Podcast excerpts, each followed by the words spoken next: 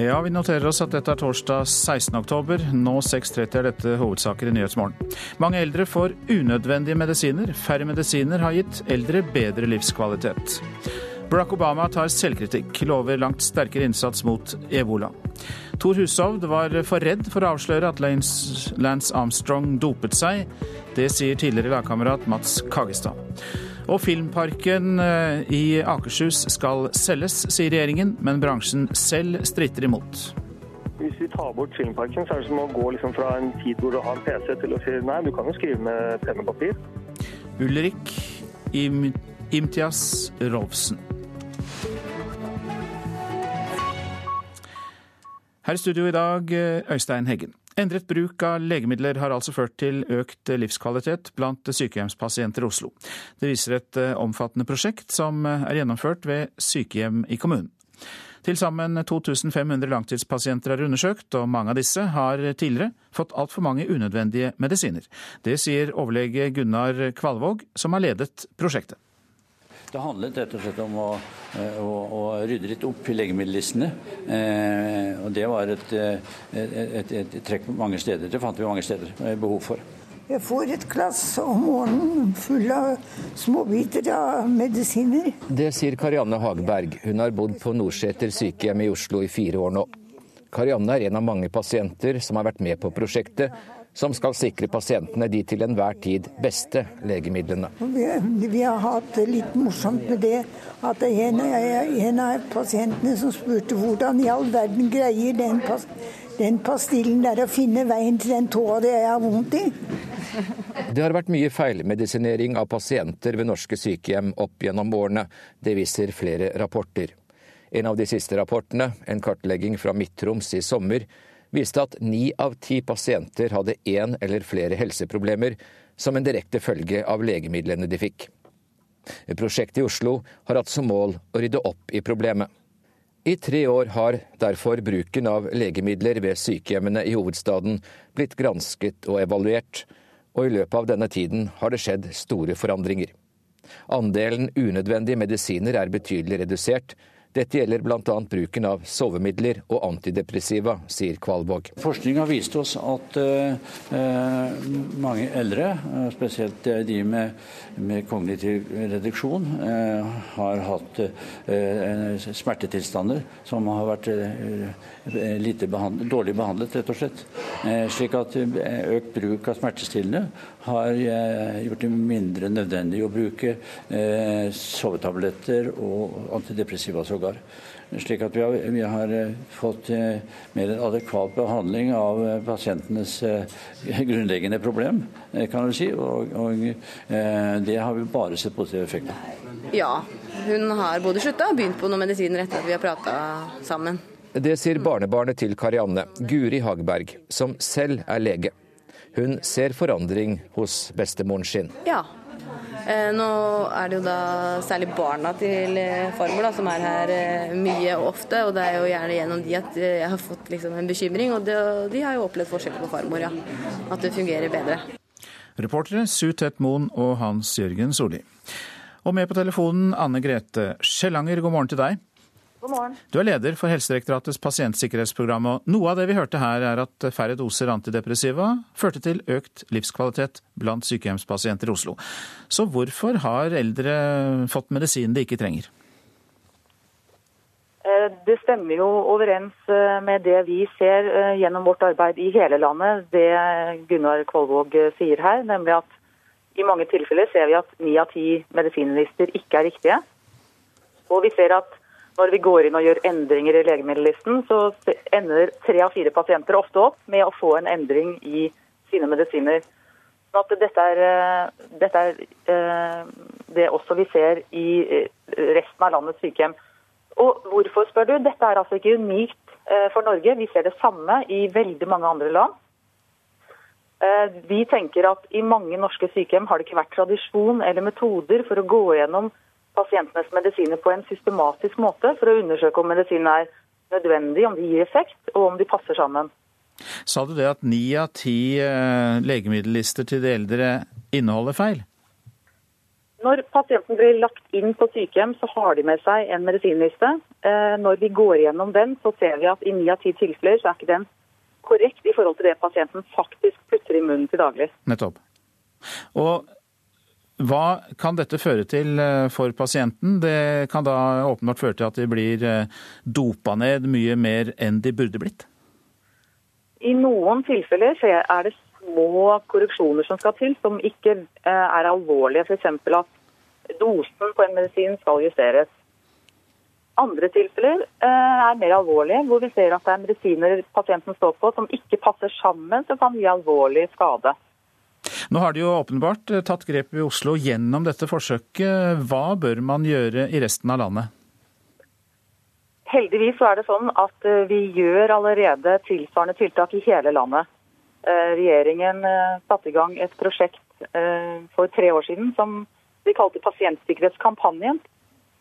Den er nå videreført i et femårsprogram. Og Et av satsingsområdene der er å redusere feilmedisinering på, av eldre på sykehjem. Eh, I det programmet så har vi utarbeidet tiltak som f.eks. legemiddelgjennomgang. Og nå støtter vi altså alle sykehjem og hjemmetjenester i hele landet for å gjennomføre disse. Og Legemiddelgjennomgang handler altså om at man går gjennom pasientens legemiddelliste for å se om det er en god liste. Vi lærer også sykehjemmene opp i eh, metoder for å drive kontinuerlig forbedring, slik at de kan bruke dette på andre pasientskader, som f.eks. fall og liggesår osv.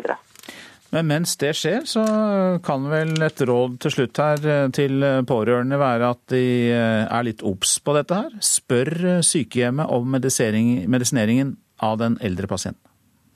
Absolutt. Det er, veldig, det er, et veldig, godt forslag. Mange takk skal du ha, Anne Grete Skjellanger, som altså da er leder for Helsedirektoratets pasientsikkerhetsprogram. USAs president Barack Obama lover et mer aggressivt svar på ebolatrusselen, men gjør det likevel klart at det er liten risiko for et større utbrudd i USA. Etter et krisemøte i går sa Obama at det i løpet av 24 timer skal sendes et ekspertteam til alle sykehus i USA, der det blir meldt om nye tilfeller av sykdommen. Obama sa også at det er viktig å hjelpe afrikanske land med å få bukt med epidemien, som nå har kostet 4500 mennesker livet. Etter klokka sju får vi en reportasje fra vår korrespondent som er i Liberia. Helseminister eh, Bent Høie sier grunnleggende uenighet mellom han og Marte Styve Holte var bakgrunnen for at hun trakk seg som styreleder i Helse Midt-Norge. Sist uke ble departementet varslet av de ansatte i helseforetaket om styrelederens håndtering av konflikten mellom de ansatte og direktøren. Høie sier de så svært alvorlig på den informasjonen. Det var en uh, alvorlig varsling som vi behandler som uh, og ga status som en varslersak. Jeg hadde flere samtaler med fyrlederen styrlederen om dette gjennom helgen. og De viste at det var eh, en grunnleggende uenighet mellom eh, oss som eier og henne som styreleder, både om alvoret i situasjonen og veien videre. og Det var bakgrunnen for at Marte Styve valgte selv på eget initiativ å trekke seg som leder. Det er jo heller ikke unaturlig i en situasjon der det er så grunnleggende uenighet som var i denne saken. Det har vært stor uro i ledelsen i helseforetaket, som denne veka toppa seg med at både styrelederen og administrerende direktør Trond Michael Andersen gikk av. Striden har stått om direktøren sin lederstil. Styve Holte sa tidligere i dag at hun trekte seg fordi hun ble instruert av statsråden om å sparke direktøren i løpet av ei veke. Hun opplevde dette som detaljstyring fra statsråden. Høie vil ikke kommentere disse opplysningene, heller ikke hvor lenge de har vært kjente med samarbeidsvanskene. Ja, det har ikke jeg noen noe behov for å gå inn på, men uh, alvoret i situasjonen var det veldig tydelig og kom tydelig fram i det uh, varslingsbrevet som ble sendt fra tillitsvalgte til Helse- og omsorgsdepartementet. Det var også knytta til håndteringen av denne situasjonen over tid. Og det har ikke lykkes NRK å få en kommentar fra Marte Styve Holte. Reporter her, det var Charlotte Ervik. Så tar vi fatt på avisene og deres eh, forsider. Kirken og Gud fikk for mye plass, sier Trond Blattmann til Fedrelandsvennen. Styrelederen for Nasjonal støttegruppe etter 22. juli-hendelsene syns kirken ble for dominerende da sorgen skulle bearbeides etter terroren. Selv var Blattmann aldri innom kirken etter tragedien. 126 familievoldssaker skal behandles i retten på to måneder. Det er oppslaget i Aftenposten. Antallet anmeldelser om mishandling Eh, mishandling i familier øker. Hver dag meldes i snitt tolv nye saker. Vold mot partner og barn fortsetter også ofte etter at dom er falt, sier bistandsadvokat. Siv Jensen gjør narr av Arbeiderpartilederen i Dagbladet. Jonas mener én ting, Gahr en annen ting og Støre mener en tredje ting, sier Frp-lederen. Hun og statsminister Erna Solberg sier de ikke er redde for at Venstre og KrF skal la seg forføre av eh, Ap-lederen. Men eh, nasjonen er opptatt av at Venstre og KrF stopper Sylvi Listhaugs frislipp. Konsesjonsloven og boplikten overlever takket være samarbeidspartiene.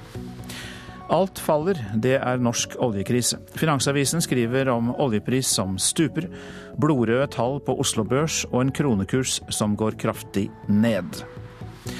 Familien til Helge Lund ser fram til at han får en mer anonym toppjobb, står det i Dagens Næringsliv. Den avtroppende Statoil-sjefen sier han brukte kona som rådgiver da han bestemte seg for å gå til BG Group. Jakten etter en ny Statoil-høvding kan ende med en utenlandsk toppsjef for selskapet. Det skriver Dagsavisen. Alvorlig lærermangel er tema i Klassekampen. Norsk skole kommer til å mangle 38 000 lærere om ti år, viser tall fra Statistisk sentralbyrå. Kritisk for samfunnet, sier leder i Utdanningsforbundet Ragnhild Lid. Prester glemmer navn på avdøde i begravelser. De kommer for seint til viktige avtaler. Prestene dummer seg ut på sosiale medier, og de kjefter på kirkegjengerne. Ja, alt dette skriver Vårt Land om i dag. Men likevel, problemprestene får ikke sparken, for konfliktskye ledere tar ikke tak.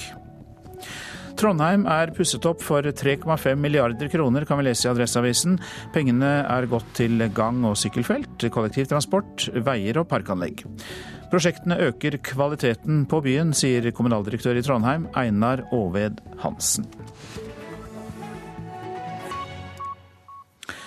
Syklisten Tor Hushovd var redd for å fortelle sannheten. Ja, det sier tidligere lagkamerat Mats Kagestad.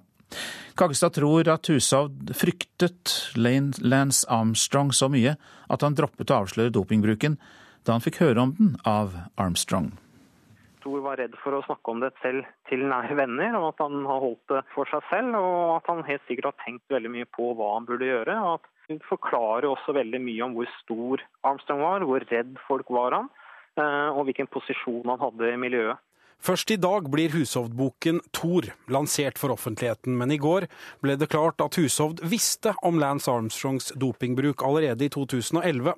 Dette var halvannet år før Armstrong innrømmet alt på amerikansk TV. Yes or no? Did you ever take banned substances to enhance your cycling performance? Yes. Leder i Antidoping Norge, Anders Solheim, er blant de som mener den norske ekssyklisten burde tatt informasjonen videre.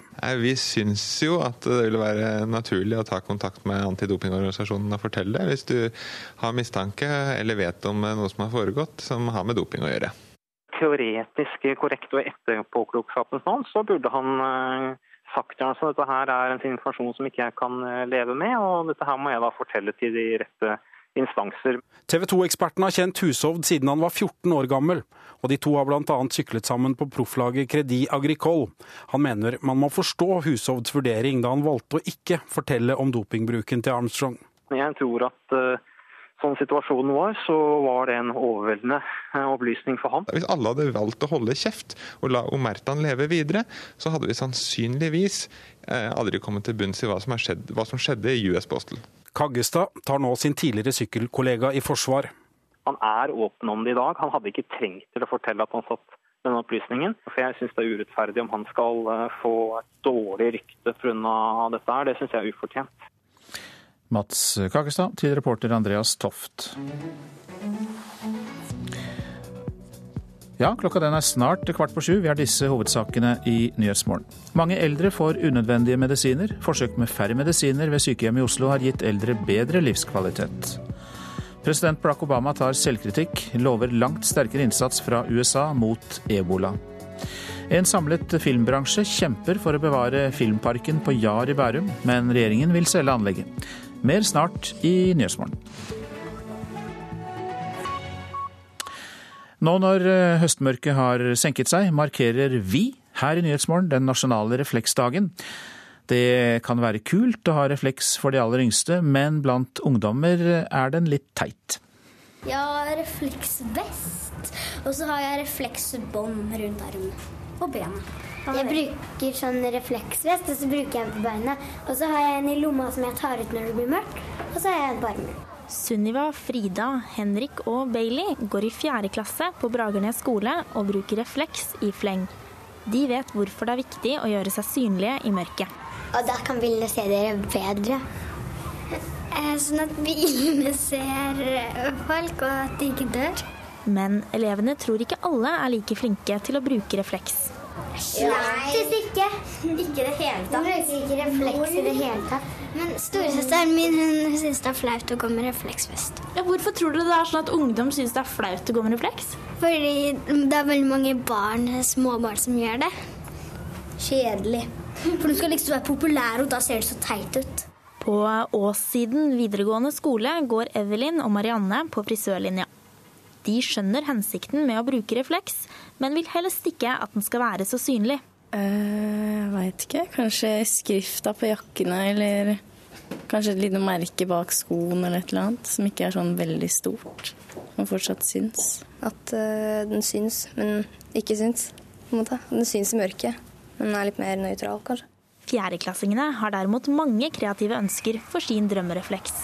Hadde vært oransje, og det hadde vært ca. to fotballer på den. Eh, den hadde vært i alle forskjellige farger, og så, kunne hun spilt yndlingsmusikken min. Den hadde vært Isak Elliot-bilde på, og så var lilla, og så eh, spilte Isak Elliot-sanger. Og det var eh, vår reporter Louise Ingeborg Gangnes som var innom fjerdeklassingene på Bragernes skole i Drammen. Ja, foreldre er jo da flinke til å utstyre barna med refleks, eh, men eh, Trygg Trafikks statistikk viser at snaut fire av ti voksne selv lyser opp i mørket.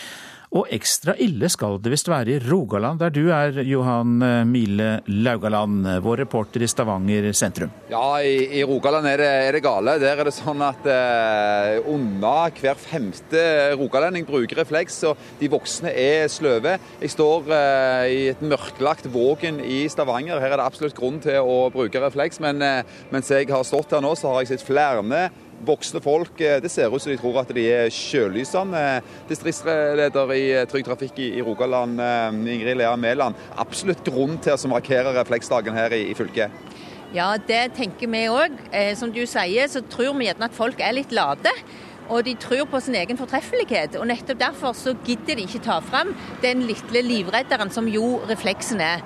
Så i dag markerer vi den nasjonale refleksdagen òg her i Stavanger med at, å dele ut refleks gratis, både her og mange andre plasser i, i fylket. Ja, og i, i, hele landet så er det nasjonale refleksdagen i dag. Her har dere kledd ut tre Marilyn Monroer her, og det er mannfolk i i, hva er det, smoking de stiller i, og det skal være litt sånn glamour rundt årets eh, refleksaksjon. I årets refleks den ser ut som en diamant. Og dette det er en diamant som er mye mer verdt enn en ekte diamant. For denne diamanten her, skal, du skal 'shining bright like a diamond'. Det er budskapet. Folk, det er budskapet, ja. men i årevis har han prøvd å gjøre refleks kult. Og så er det sånn at de voksne biter ikke på dette her. Nei, det er de voksne og de eldre som er verst. De eh, bruker ikke refleks. Ungene ser vi mye flinkere. Så vet vi at sju av ti har opplevd ei nestenulykke. Det er veldig mange som mest blir påkjørte. Vi har òg mange tragiske ulykker hvert år med hardt skada og drepte i trafikken. Og vi vet at eh, sjansen for å bli sett er 89% større hvis du gjør deg synlig i trafikken. Bilene som passerer oss her nå er ganske, ganske mørkt her, ikke så lett å få øye på oss. Nå har vi selv utstyrt oss med, med reflekser. Det er et mål i, her til lands at det, i tettbygde strøk så skal fire av ti bruke refleks. Eh, på, på, landet utenfor tettbygde strøk seks av ti. Eh, er det grunn til å tro at en klarer å nå eh, dette målet, så, så dårlig som er? Ja, det tror jeg eh, at vi kan. Selvfølgelig, som du sier, det her er det mørkt. Vi ønsker jo opplyste gangfelt overalt nærmest, eller iallfall der det ferdes mye folk. Men det er opp til fotgjengeren sjøl å sørge for at han gjør seg synlig. Og det å bevisstgjøre seg sjøl på jeg tenker Arbeidsgiver kan være med å ta mer ansvar for å dele ut reflekser, snakke om viktigheten av dette, risikoen det er. eh, så har vi tro på at eh, flere skal bruke refleks. Der ser jeg der borte på andre siden av gata her en mørklagt eh, rogalending får på seg eh, Så der, ja, der viste han bedre med en gang. ja, ja det, er, det er det som skal til. Men, men, jeg tror det er veldig mye det at vi rett og slett bare ikke har huska å legge. Så gå hjem, finn refleksene du har, legg de i lommen, ta de ut når du skal på jobb. De som ikke har refleks, de må uh, gå ut i dag eller i løpet av uka i kommunen eller rundt omkring. Utford, utford, utfordringen er gitt. Tusenvis av reflekser vil bli delt ut i dag og i dag dagene framover. Vi takker for en opplysende samtale fra Johan Mile Laugaland. Mange vassdrag kan få endrede konsesjonsvilkår 50 år etter de opprinnelige rammene for kraftutbyggingen ble gitt. Lakseelva Surna på Nordmøre er en av elvene Norges vassdrags- og energidirektorat, NVE, skal utarbeide nye vilkår for. Surna fikk mer enn halvert laksefiske etter kraftutbyggingen i Trollheimen på 1960-tallet. Det som er den store utfordringa nå for laksen, det er når den kommer opp til kraftverket, til Trollheim Kraft. For da er det lite vann i elva overom, så kommer den seg ikke forbi. Og da blir den stående der, og da kan du få sånn desperasjonsgyting at den gyter under veldig dårlige forhold. Kjell Lund i den lokale fiskeraksjonen for Suna kjemper for å gjenskape den rike lakseelva slik hun var før kraftutbygginga på 60-tallet. Han er optimist om at elva igjen kan få bedre vassføring og naturlige temperatursvingninger. NVE har så langt fått en krav om revidering av mer enn 30 vassdrag av 187 mulige som fikk konsesjoner for kraftutbygging for 50 år siden. Surna er viktig og har prioritet, sier senioringeniør i NVE, Eilif Brodkorp. Vi ser jo nå fordi vi skal prøve å få bedra tilstanden i en del av disse gamle regulerte vassdragene våre.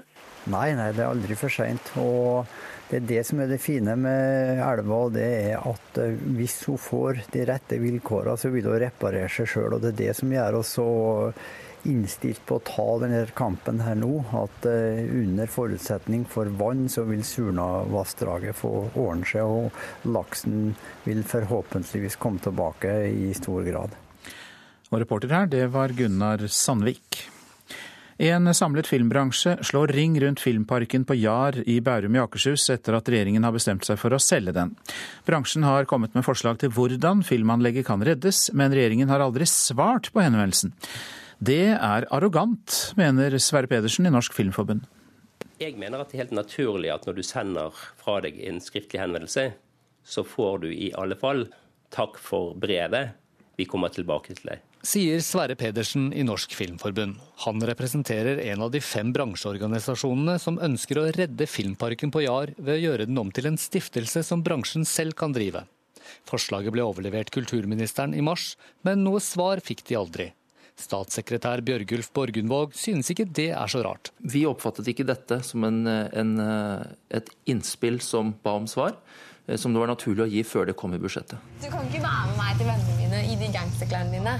Kinoaktuelle 'Haram' er en av filmene som nylig har brukt Filmparken både til innspilling og til etterarbeid.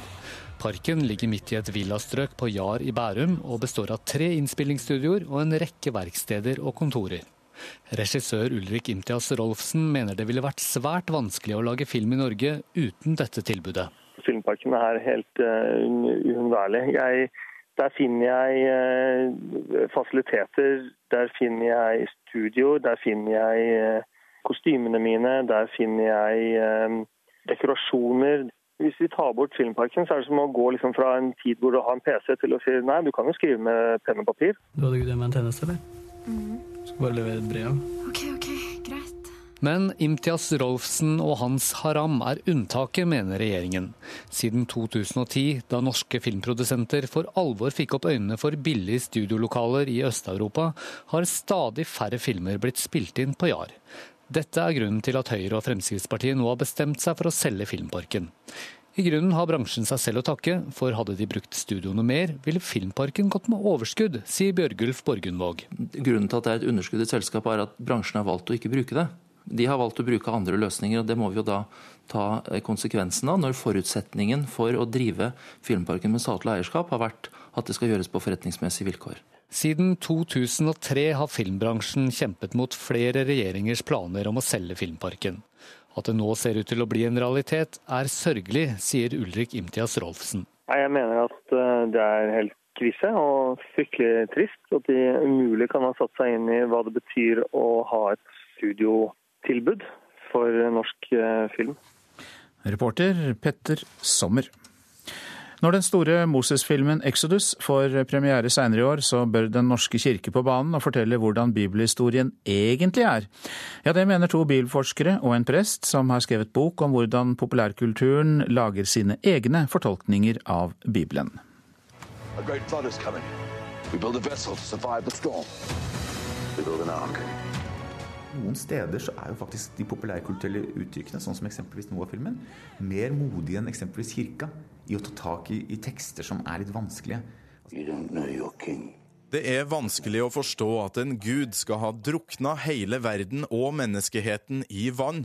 En problemstilling som Hollywood tar tak i, men som kirka dessverre lar være å snakke om, sier bibelforsker Petter Skippervold. Altså det er litt paradoksalt, for den Noah-fortellingen den har jo da Hollywood nå klart å gjøre på en måte aktuell og dramatisk. Mens Kirken har valgt å unnlate å fortelle den i det de har definert som kjernetekster i trosopplæring for barn og ungdom. Teologene Petter Skippervold og Anders Martinsen lanserer neste uke boka 'Bibelen i populærkulturen' sammen med prest Ole Jakob Løland. De to mener Den norske kirke i altfor stor grad lar popkulturens tolkning av Bibelen stå uimotsagt, bl.a. i filmen 'Josef', som ofte blir vist som en del av trosopplæringa i dag. Der framstår de som sånn idealfamilie. Et, et, et, ektepar med tolv sønner. Flott idealfamilie. Og det passer veldig godt overens med, med, med, kirkas bilde på at det skal være mann og kvinne, og de skal ha store familier. Mens i virkeligheten i bibelteksten så hadde jo Jakob masse koner. ikke sant? Og det passer jo ikke i det hele tatt. Seksjonsleder for barn, unge og trosopplæring i Kirkerådet, Kristine Aksøy, kjenner seg ikke igjen i kritikken fra bibelforskerne, og mener kirka gir god bibelundervisning, også når de viser Hollywood-filmer til barn og unge. Det er jo sånn eh, at barn og unge som er med på ulike former for arbeid i kirka, de både leser i Bibelen, eh, diskuterer bibelfortellinger og jeg må fortolke Eh, bibelfortellingene. Eh, nå vet vi jo ikke om man blir lest i samme grad som den blir kjøpt. Bibelen i sin originale form, altså som bok, er fremdeles populær, forteller forlagssjef i Verbum, Anne Weiteberg. Men forlagssjefen er enig med bibelforskerne om at kirka oftere bør diskutere fortolkninga av bibelteksten, og tror dagens ungdom synes det er vanskelig å sette seg ned og lese det som blir kalt bøkenes bok. Og vi har nok tenkt at vi med tid og stunder kanskje skal komme også med en eh, bibelutgave med et enklere språk. Som kan eksistere side om side, nettopp fordi en del folk rett og slett har problemer med å forstå. Reportasjen var laget av Torkil Thorsvik. Så tar vi fatt på værvarselet fram til midnatt. Fjellet i Sør-Norge, litt snø øst i Langfjellet, ellers til dels pent vær. Østland og Telemark, på kysten nordøstlig liten kuling, litt regn, snø i høyden. Nord for Mjøsa blir det oppholdsvær. Agder på kysten øst for Lindesnes stiv kuling, lengst vest i Agder oppholdsvær, ellers regn av og til. Rogaland østlig liten kuling utsatte steder, i indre og sørlige strøk skyet vær, stort sett opphold. I nordlige og ytre strøk av Rogaland til dels pent vær. Hordaland og Sogn og Fjordane i eh, indre strøk stort sett pent vær, eh, men eh, det kan bli utrygt for lokal tåke først på dagen. Møre og Romsdal utrygt for lokal tåke først på dagen også der, ellers stort sett pent. Trøndelag lokal tåke på morgenen, ellers pent. Og Nordland nord for Bodø enkelte regnbyger, ellers opphold. Troms på kysten enkelte regn- og sluddbyger. Fra ettermiddagen stort sett skyet oppholdsvær. Finnmark først på dagen sørlig liten kuling utsatte steder i øst. Ellers eh, blir det sludd- og regnbyger i kyst- og fjordstrøk. Nordensjøland på Spitsbergen østlig liten kuling utsatte steder og litt snø. Temperaturer klokka fem. Svalbard lufthavn minus ni. Kirkenes minus to. Vardø null. Alta og Tromsø minus én. Bodø fire. Brønnøysund seks. Molde tre grader. Bergen-Flesland fire. Stavanger seks. Kristiansand-Kjevik åtte. Gardermoen 0, Lillehammer 2, Røros var nede i minus 3. Og eh, Oslo-Blindern, der var det pluss to grader da klokka var fem i natt.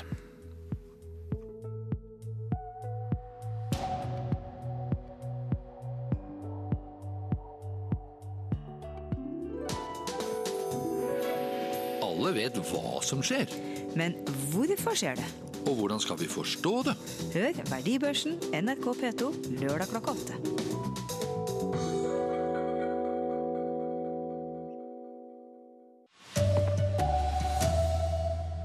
Mange eldre på sykehjem får feil medisiner, viser prosjektet i Oslo.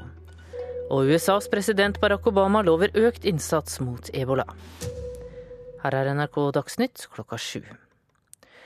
Mange eldre på sykehjem er feilmedisinert. Et omfattende prosjekt ved sykehjemmene i Oslo viser at endret bruk av legemidler har ført til økt livskvalitet blant de eldre. Til sammen 2500 langtidspasienter er fulgt opp, og mange av dem har tidligere fått altfor mange unødvendige medisiner. Leder for Helsedirektoratets pasientsikkerhetsprogram, Anne Grete Skjellanger, sier feilmedisinering av eldre er utbredt over hele landet. I mange tilfeller ser vi at ni av ti medisinlister ikke er riktige. Og vi ser at når vi går inn og gjør endringer i legemiddellisten, så ender tre av fire pasienter ofte opp med å få en endring i sine medisiner. Så at dette er, eh, dette er eh, det også vi ser i eh, resten av landets sykehjem.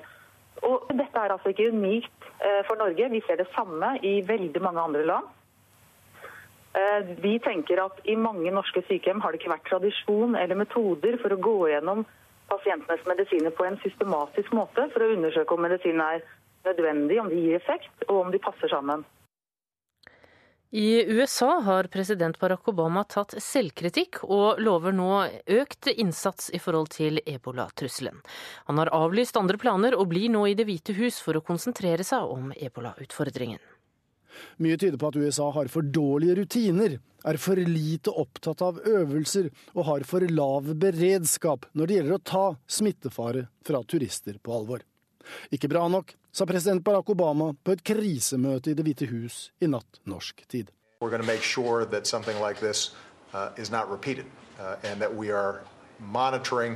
supervising, overseeing uh, in a much more aggressive way exactly what's taking place uh, in Dallas initially and making sure that the lessons learned are then transmitted uh, to hospitals and clinics all across the country.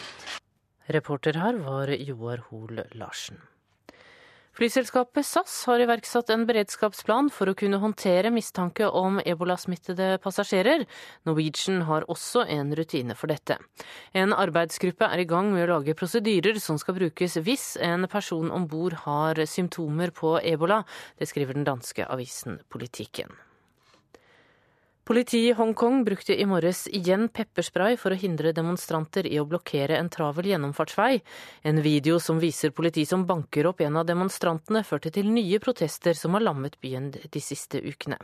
Myndighetene har gjort det klart at politifolkene som var innblandet, skal bli suspendert. NRK Dagsnytt var ved Tone Nordahl. Og Nyhetsmorgen fortsetter med disse sakene. Barack Obama tar selvkritikk. Han lover langt sterkere innsats mot ebola.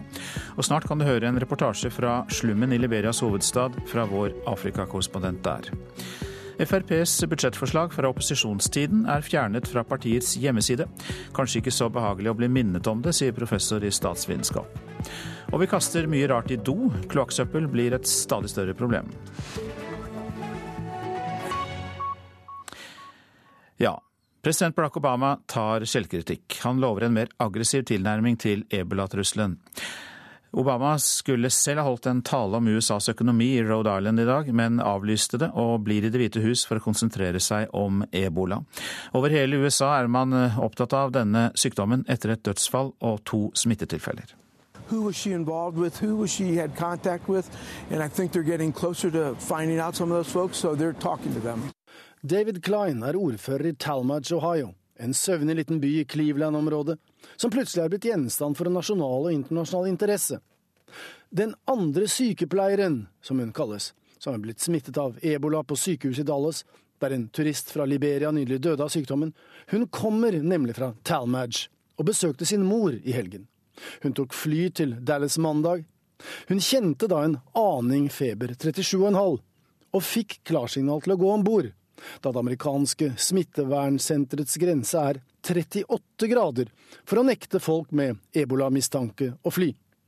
Mye tyder på at USA har for dårlige rutiner, er for lite opptatt av øvelser og har for lav beredskap når det gjelder å ta smittefare fra turister på alvor. Ikke bra nok, sa president Barack Obama på et krisemøte i Det hvite hus i natt norsk tid. We're monitoring, supervising, overseeing uh, in a much more aggressive way exactly what's taking place uh, in Dallas initially and making sure that the lessons learned are then transmitted uh, to hospitals and clinics all across the country. Barack Obama, som i går også hadde telefonmøte med Italias, Frankrikes, Tysklands og Storbritannias regjeringssjefer, understreket imidlertid to ting i natt. Det er særdeles lite sannsynlig at det vil bli et større utbrudd i USA. Men han lanserte flere tiltak om en raskere og tyngre respons når alarmen først går, og understreket samtidig at det står slett ikke så dårlig til som enkelte kritikere vil ha det til. Samtidig la han vekt på at den beste måten å forhindre flere ebolatilfeller i USA på, det er å sørge for at de tre landene i Vest-Afrika, der nærmere 5000 mennesker har mistet livet, får den hjelpen de trenger. Probably the single most important thing that we can do to prevent uh, a more serious Ebola outbreak in this country is making sure that we get what is a raging epidemic right now in West Africa under control. Reporter her, det var eh, Joar Hoel Larsen. I Liberia, det verste rammede ebolalandet, tas det i bruk utradisjonelle metoder for å få folk til å forstå alvoret i situasjonen. Afrikakorrespondent Sverre Tom Radøy er i hovedstaden Monrovia.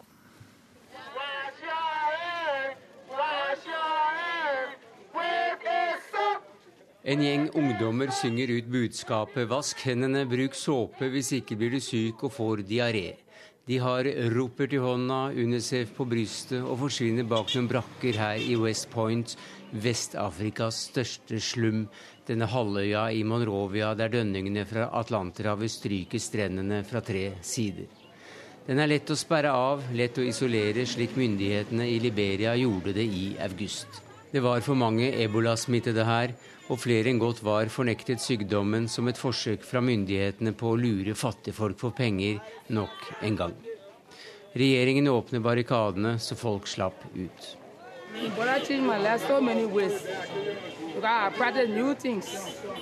Nei, ebolaen tar vi på alvor. Jeg har tre barn, og de får aldri være ute og leke med andre.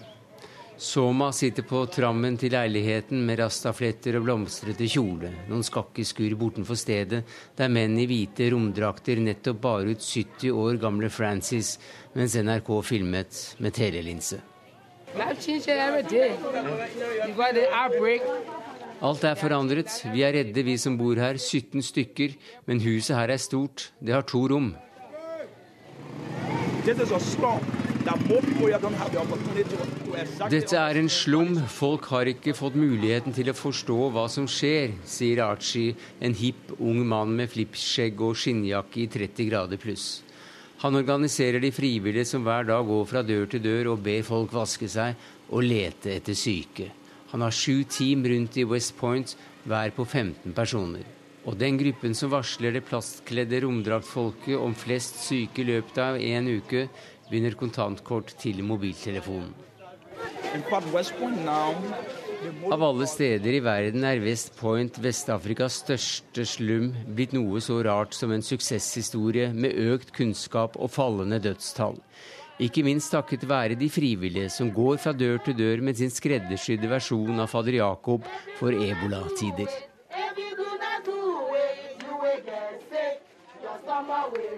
Sverre Tom Rade leverte altså denne reportasjen fra Monrovia. Så hjem igjen til norsk politikk. Eh, du må gå veien om Stortingets nettsider dersom du vil lese Fremskrittspartiets alternative budsjetter fra den gang partiet var i opposisjon. Selv har Frp slettet dem fra sine nettsider. Og det er kanskje ikke så behagelig å bli minnet om hva man mente i opposisjon, sier professor Anders Todal Jensen. Og i dag er det ett år siden Høyre og Frp overtok regjeringskontorene. Jeg møter mange som ønsker noe annet enn rød-grønt flertall, men som òg frykter et blå-blå alternativ. Her kommer eh, KrF og Venstre, som i dag har gått til felles front mot Fremskrittspartiet. Venstre-leder Trine Skei Grande advarer mot en mørkeblå regjering. Første nestleder i Frp, Per Sandberg, kommenterer kritikken sånn her. Nei, altså vi har jo styrt bare ett år, da, så det kan jo fortsatt bli både ragnarok og pest. ikke sant? Så, så de våre kritikere kan, kan leve sikkert i håpet om at de skal få rett. Han har blitt vant til mørke spådommer. Ja, Vi har levd med det i 40 år, vi. Og den kritikken om at alt ville gå nedom og hjem med Fremskrittspartiet ved, ved roret. Ja, Hvis vi skal måle i velgeroppslutning, så ser det slett ikke dårlig ut. Det sier professor i statsvitenskap ved NTNU Anders Todal Jensen om den blå regjeringa. Etter valget i fjor høst har Høyre holdt valgresultatet, mens Frp har ligget jevnt på 14% et par prosent under valgresultatet. Kanskje særlig Fremskrittspartiet er vel mange som er overraska over at det har klart seg godt i eh, regjering. Eh, nå har vi levert vårt aller første statsbudsjett, helhetlig statsbudsjett. Vi har styrt eh, landet i ett år, og alt går utmerket. Eh, til og med været har jo vært bedre dette året enn eh, noensinne. Men selv om Frp har vært med på sitt første statsbudsjett, ligner det ikke helt på de alternative budsjettene de la frem før de fikk regjeringsmakt. I deres alternative budsjett for 2013 foreslo de 23 milliarder i skatte- og avgiftskutt, mens 2015-budsjettet fra regjerings-Frp viser 8 milliarder i kutt. Nå har vi levert ett budsjett. På dette budsjettet så er det 8 eh, milliarder cirka i skatte- og avgiftslettelser. Vi ga mellom 7 og 8 milliarder skatte- og avgiftslettelser i inneværende år. Eh, og jeg er helt sikker på at vi finner rom for skatte- og avgiftslettelser også i 2016. Høyre på sin side foreslo 5 milliarder i skatte- og avgiftskutt i sitt alternative budsjett for 2013, og endte altså med 8 milliarder for 2015. Men Todal Jensen ser en dreining av innholdet. Hvis en ser på hvordan innretninga eh, på skattelettene er, så eh, blir det jo tydelig at eh, dette er skatteletter som nok passer Høyres gjennomsnittsvelger bedre enn den gjennomsnittlige Frp-velgeren. Mens Sandberg sier vi har levert vårt første helhetlige statsbudsjett, som er meget bra sett med Frp-øyne. Men hvorfor er FrPs budsjett fra tida før de kom i regjering nå sletta fra nettsidene deres, mens man på Høyre sine nettsider lett kan finne alternative budsjett fra mange år tilbake i tid? Det må du bare spørre Høyre om hvorfor de har det. Sier Sandberg og viser til at FrPs alternative budsjett finnes på Stortingets nettsider, mens Todal Jensen sier å bli minna på hva man sa og gjorde i rollen som opposisjonsparti når man selv sitter med styringsansvaret, det er jo ikke alltid like behagelig. Reportere her det var Veronica Westrin og Eva Marie Bullai. Og vi minner om at Siv Jensen møter Jonas Gahr Støre i Politisk kvarter på P2 om en halvtime. Men vi har ikke gitt oss helt ennå med dette. Derfor er du her. God morgen, Lars Nehru Sand. God morgen. Du er politisk kommentator i NRK. Og ja, vi hørte jo noen teorier her, men hvorfor tror du Frp har fjernet det alternative budsjettet fra egne nettsider? Det kan jo ligge veldig prosaiske datatekniske grunner til, til, akkurat det. Men det er klart at det er eh, interessant å lese de dokumentene nå når vi, vi ser regjerings-Frp. Og hva kan det være Frp helst ikke vil bli minnet på? Det er jo naturlig at man skrur stikka litt hardere til, at man skriver med litt større bokstaver når det er et opposisjonsparti, når man lager ett budsjett, mens man nå hører Sandbergs vise til hva man kan få til over flere år, istedenfor å kutte skatter kraftig fra et år til et annet, f.eks. Ting må ofte utredes, og det skal settes ned utvalg, og det er mange ting med regjeringsmåten å arbeide på som blir helt annerledes enn på Stortinget. Og Frp har jo vært et veldig dyktig opposisjonsparti eh, ropt høyt og gjort eh, tydelige grep. og Det er klart at det eh, blir en annen arbeidsform når de nå kommer i regjering. Men så vet vi jo da at både velgerne og partiets grasrot blant egne tillitsvalgte ser ut til å takle denne tålmodigheten ganske bra. Og så hørte vi jo i innslaget at støttepartiene Venstre og KrF advarte mot regjeringen før den tiltrådte. men Sånn oppsummert, hvordan ser det ut til at de stiller seg til regjeringen nå på ettårsdagen? Jeg tror både Venstre og Kristelig Folkeparti ser at de får mye igjen ved å sitte utenfor regjering. Eh, det vil vi jo få en veldig tydelig pekepinn på nå før, eh, før jul og, og, budsjettforhandlingene. Og det er klart at det, da må jo Venstre og Kristelig Folkeparti eh, få igjen for at de sitter utenfor regjering, og et bevis på at det har lønna seg for, for dem. Og så hørte vi professor Todal Jensen si at skattelettene i regjeringens første budsjett passer høyrevelgeren best. Eh, hva kan det få å si for regjeringssamarbeidet? Ja, Det betyr at Fremskrittspartiet nok i kommende budsjett vil, vil kjempe for en, en, annen fordeling, hvor, hvor man eh, kutter skatter i bånn og ikke på topp, for å si det sånn. Altså at man, man får skatteletter som, som kommer eh, lønnsmottakere og, og formuene med mindre lønn eller formue bedre til gode. Og, og det ligger FrPs hjerte nær. og Det, det er verdt å legge merke til at den skatteprofilen som regjeringens budsjetter har hatt, har, eh, har ligget tettere opp til høyre, som Tordal Jensen sier. Og øh, Hvilken medisin bør regjeringspartiene skrive ut til seg selv for å overleve best mulig fram til neste bursdag, tror du? Ja, Det tror jeg nok at både Høyre og Frp kommer til å gjøre. Det er en regjering som, som eh, styrer på den plattformen de har eh, arbeidet frem eh, sammen. De har god grunn til å feire i dag. Det går ganske greit på meningsmålingene til å ha sittet med makt veldig lenge. Det viktigste det kommende året nå er å få ut i livet de reformene som man enten har begynt på, eller er, har i startgropa. Det er store reformer både på kommunepolitikk Politikken kjenner vi jo til, men det vil komme eh, politireformer, utdanningsreformer og andre eh, ting som, som vil kjennetegne denne regjeringen og kunne leve lenge etter den også har gått av. Mange takk skal du ha, Lars Nehru Sand, som er kommentator eh, her i NRK. Klokka den har passert 7.16. Dette er hovedsaker. Mange eldre får unødvendige medisiner. Forsøk med færre medisiner ved sykehjem i Oslo har gitt eldre bedre livskvalitet. Barack Obama tar selvkritikk, lover langt sterkere innsats mot ebola. SAS har iverksatt en beredskapsplan for å kunne håndtere mistanke om ebolasmittede passasjerer. Norwegian har også en rutine for dette. Og vi skal høre at det rettes kritikk mot at 350 ansatte må gå på Abels verft i Haugesund. Lokalpolitiker mener at det kunne vært unngått.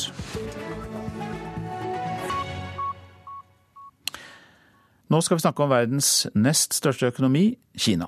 Over 200 millioner kinesere lever under Verdensbankens fattigdomsgrense på 1,25 dollar dagen. Det opplyste kinesiske myndigheter denne uka. Og Derfor har vi bedt deg komme, Fafo-forsker Kristin Dalen. God morgen til deg. God morgen til deg òg. Ja, altså selv om antall fattige går nedover, så er det veldig mange kinesere som knapt har eh, nok til mat. Og hva gjør myndighetene i denne kampen mot fattigdom? Som du nevnte tidligere, så er kamp mot fattigdom veldig veldig viktig for kinesiske myndigheter. De har satt inn store ressurser for å redusere fattigdommen i Kina. Og du var jo så vidt inne på det òg, at eh, antallet fattige er eh, over de siste ja, Man kan velge hvilken referanseramme man vil ha, men siden de tre siste årene er kanskje redusert med 90 millioner. Så det, det er store tiltak som blir gjort. Kineserne har som mål at de innen 2020 skal bli et mellominntektsland. Så derfor så er de jo nødt til å bli kvitt den verste fattigdommen de har selv. Så dette er av høy prioritet eh, for dem. De har sågar store programmer hvor de har nesten alle de forskjellige ministeriene samarbeider på tvers for å, for å redusere fattigdom. Så dette er viktig. Og så er det store forskjeller eh, mellom regionene. Ja, veldig store. Kina er et stort land. Ofte så glemmer vi bort det at det i størrelse er mye større enn Europa, og i folketall så vet vi jo det er verdens største. Eh, spesielt er det forskjeller i Kina mellom by og land. Eh, det er eh, to forskjellige verdener når du lever på landsbygda eller når du lever i byene, og fattigdom er i stor grad eh, konsentrert på landsbygda. Det er også store forskjeller mellom kyst og innland i Kina. Langs kysten ligger de store byene som Shanghai og Shenzhen og Beijing for den sakens skyld. Mens i innlandet, eh, på grensene mot eh, Russland og, og innover i Sentral-Asia, så er det i mye større grad fattige områder. Og så har kineserne en egen definisjon av fattigdomsgrense. og mm. Hvorfor det? Nei, de, de, forholder seg jo til begge definisjoner. sånn som du sa nå Når kinesiske myndigheter rapporterer fattigdom, så rapporterer de både den internasjonale fattigdomsgrensen, og så rapporterer de sin egen. Okay. Mm. Eh, det er vel noe med at de, at de eh, føler at eh, kanskje den, sin egen er mer realistisk, om det, om det går an å si noe sånt. Den er jo ikke særlig høy. Tror du at denne fattigdommen som likevel er der, selv om det er bedring, kan munne ut i sosial misnøye? Og dette er jo det som er veldig viktig for kinesiske myndigheter nå, for de har en såkalt Gini-koeffisient som viser hva som er de reelle forskjellene, da, og den blir veldig høy i Kina mellom de som er aller rikest og de som er aller fattigst. Og kineserne selv ser også forskjellene i sitt eget land som et stort problem. Vår forskning viser at dette er noe av det mest alvorlige som folk føler er et problem. Og man vet med erfaring fra andre land at når man har altfor store forskjeller innad i, Kina, nei, i land, så kan det føre til sosial uro. Og kinesiske myndigheter er jo veldig, veldig redd for akkurat det elementet med sosial uro. Det er de obs på. Takk skal du ha for at du kom til Nyhetsmorgen, Fafo-forsker Kristin Dalen. Vi tar med at politiet i Hongkong brukte pepperspray igjen i natt for å hindre demonstranter i å blokkere en travel gjennomfartsvei. En video med politifolk som banket opp en av demonstrantene, førte til ny oppslutning om protestene som har lammet byen de siste ukene. Myndighetene har gjort klart at eh, politifolkene som var involvert i episoden, kommer til å bli eh, suspendert. Det er helt unødvendig at 350 ansatte må gå på Aibels verft i Haugesund. Det mener fylkesnestleder Arne Christian Moen i Rogaland Arbeiderparti. Han mener regjeringen bør avblåse de foreslåtte endringene i arbeidsmiljøloven og vurdere permitteringer i stedet for oppsigelser i industrien. For vi vet fra tidligere, og spesielt våre naboland etter jappetiden på 80-tallet, så gjorde de det samme. Resultatet av det var dobling av antall midlertidig ansatte. Og antallet har ikke gått ned etterpå. Vi får en todeling av arbeidslivet, rett og slett. Ja, hva frykter du eh, kan bli eh, konsekvensene på sikt? Ja, på sikt så får vi en økning av midlertidige stillinger, og vi får en arbeidsgruppe som bare går i midlertidige stillinger. Og de vet vi har det dårligere på arbeidsplassen. De er oftere syke. De får mer psykiske problemer. Og de får ofte ikke kursing av arbeidsgiver, slik at kvaliteten på arbeidet blir dårligere for arbeidsgiver, og effektiviteten går ned. NHO-direktør i Rogaland, Halvard Veen, vil ikke kommentere Aibel-situasjonen, men sier at de lytter til sine medlemsbedrifter, som også ønsker terskelen for oppsigelser var høyere. Jeg kan ikke forholde meg til et valgalternativ som Aibel har, men jeg kan vel i sin alminnelighet eh, si det at det er i økende grad signaler fra medlemsbedriftene våre om at eh, en ønsker seg tilbake til permitteringsordningen slik den var før endringen nå i nyttårsskiftet. Dvs. Si at eh, en går tilbake til den arbeidsgiverperiode som det heter på ti dager. Er det NHO sitt uh, ståsted i, i denne saken? Ja, I og med at vi er medlemsstyrt organisasjon, så er det jo medlemmene som gir uttrykk for at det er ønskelig. og Dermed så er det òg vår, eh, vår standpunkt. Reporter her, det var Rosa Irén Villalobos. Så til det avisene er opptatt av i dag. Kirken og Gud fikk for mye plass, sier Trond Blattmann til Fedrelandsvennen. Styrelederen for Nasjonal støttegruppe etter 22.07-hendelsene syns kirken ble for dominerende da sorgen skulle bearbeides etter terroren. Selv var Blattmann aldri innom kirken etter tragedien. 126 familievoldssaker skal behandles i retten på to måneder, er oppslaget i Aftenposten. Antallet anmeldelser om mishandling i familier øker. Hver dag meldes i snitt tolv nye saker. Vold mot partner og barn fortsetter, ofte etter at dom er falt, sier bistandsadvokat. Siv Jensen gjør narr av Arbeiderpartilederen i Dagbladet. Jonas mener én ting, Gahr en annen ting og Støre en tredje ting, sier Frp-lederen. Hun og statsminister Erna Solberg sier de ikke er redde for at Venstre og KrF skal la seg forføre av eh, Ap-lederen. Men nasjonen er opptatt av at Venstre og KrF stopper Sylvi Listhaugs frislepp. Konsesjonsloven og boplikten overlever takket være samarbeidspartiene. Alt faller, det er norsk oljekrise. Finansavisen skriver om oljepris som stuper, blodrøde tall på Oslo Børs og kronekurs som går kraftig ned. Familien til Helge Lund ser fram til at han får en mer anonym toppjobb, eh, står det i Dagens Næringsliv. Den avtroppende Statoil-sjefen sier han brukte kona som rådgiver da han bestemte seg for å gå til BG Group. Jakten etter en ny Statoil-høvding kan ende med en utenlandsk toppsjef for selskapet, skriver Dagsavisen. Alvorlig lærermangel er tema i Klassekampen. Norsk skole kommer til å mangle 38 000 lærere om ti år, viser tall fra Statistisk sentralbyrå. Kritisk for samfunnet, sier leder i Utdanningsforbundet, Ragnhild Lid. Prester glemmer navn på avdøde i begravelser, de kommer for seint til viktige avtaler. Prestene dummer seg ut på sosiale medier, og de kjefter på kirkegjengerne. Ja, alt dette skriver Vårt Land om i dag. Men likevel, problemprestene får ikke sparken, for konfliktsky ledere tar ikke tak. Trondheim er pusset opp for 3,5 milliarder kroner, kan vi lese i Adresseavisen. Pengene er gått til gang- og sykkelfelt, kollektivtransport, veier og parkanlegg. Det er prosjekter som øker kvaliteten på byen, sier kommunaldirektør i Trondheim, Einar Aaved Hansen. Kloakksøppel kalles det, alt vi kaster i do som ikke skulle havnet der. Og det vi snakker om er våtservietter, mopper og q-tips, ja til og med dongeribukser og T-skjorter er funnet i kloakkavløpet.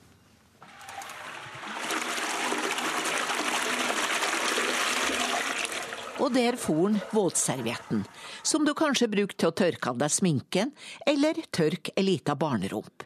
Rett i do.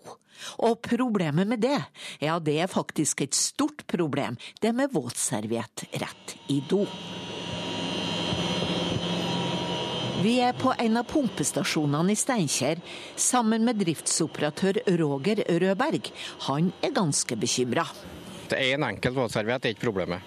Problemet er når det kommer flere i lag, og så samles de i en sump før innløpet på pumpene. Så samles de, så bitter de seg opp med hverandre. Og når de har bitta seg opp, så blir tyngdepunktet såpass at det suges rett inn i pumpene. Og da blir det såpass stor enhet at det kiler seg i pumpene. Kan gjøre. Og så får vi en driftsstans. Våtserviett i do er det største problemet. Moppa rett i do er en god nummer to.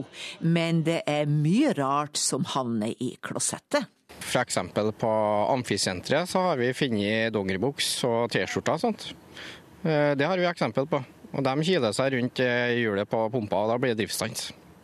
Så da kan det være tyveri at de har hivd, tatt gamlebuksa så hivd. Vet ikke. Har ikke noen forklaring på det annet. Rødberg mener serviettpakkene er for dårlig merka. Du skal leite godt for å finne advarselen. Og folk vil ha det lettvint. Nei, Det er den enkleste utveien. da. Eh, doen er jo ganske nærmest når de holder på med vasking og alt sånt. og da er det klart at da er det, De ser jo ikke etter de har tappa opp. Og Da vet de heller ikke at det blir problem for neste løp. Knut Morten Husby er enhetsleder for vann og avløp i Steinkjer kommune. Han har sine tanker om hvem som er de største våtserviettsynderne. Jeg tror ikke jeg skal legge ansvar på noen direkte, men vi ser jo at områder rundt barnehager, eldresenter, sykehjemmer, der har vi et økende problem. Så vi, vi tar jo opp eventuelt dem som bor i området der, og ser om situasjonen blir likere.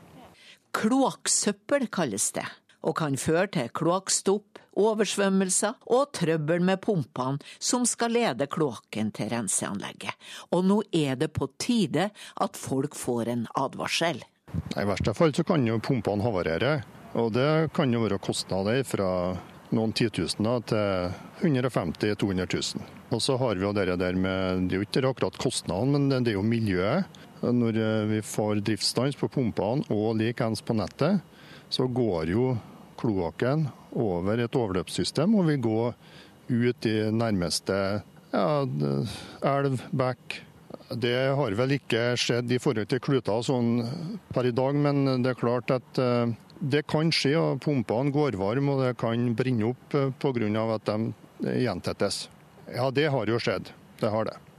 Veldig mange som bruker våtservietter. Det brukes på sykehjem, eldresentre, barnehager. Hjem til hver husholdning brukes det mer og mer våtservietter. Og det er klart at de som slipper i do, da får vi det problemet der. Mitt budskap er i do kun bæsj, tiss og dopapir.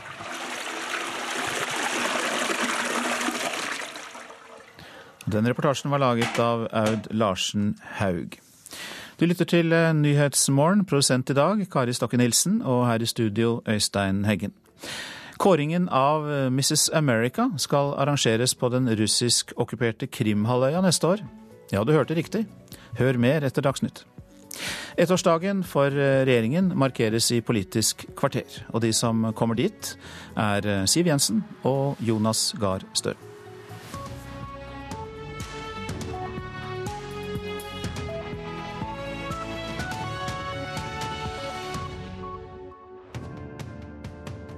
Kulturhuset. Hvert år utgis det over 1000 bøker beregnet på barn og ungdom her til lands. Så det er liten tvil om at vi kan trenge hjelp til å finne fram i bokjungelen. Men verken Harry Potter eller En pingles dagbok er med når de 101 beste barnebøkene utgitt i Norge det siste tiåret skal kåres. Hvorfor er det ikke det, spør vi. Kulturhuset. I dag klokka 13 på NRK P2.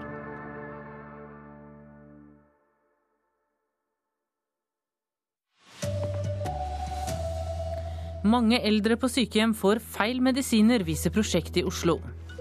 I dag feirer den blå regjeringen ettårsdag. Og Thor Hushovd var for redd til å avsløre at Lance Armstrong dopet seg, sier tidligere lagkamerat. God morgen, her er NRK Dagsnytt. Klokka er 7.30.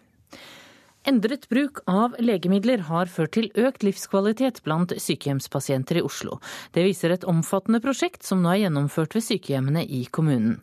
Til sammen 2500 langtidspasienter er fulgt opp, og mange har fått det bedre etter at medisineringen er endret. Det sier overlege Gunnar Kvalvåg, som har ledet prosjektet. Det handlet rett og slett om å, å, å rydde litt opp i legemiddellistene. Eh, og det var et, et, et, et, trekk mange steder. Det fant vi mange steder behov for.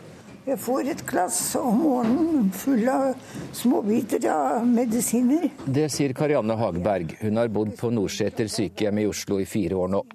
Karianne er en av mange pasienter som har vært med på prosjektet, som skal sikre pasientene de til enhver tid beste legemidlene. Jeg vet at det, ene er for det, og det ene er for det, det andre er for det, osv. I tre år har bruken av legemidler ved sykehjemmene i Oslo blitt gransket og evaluert.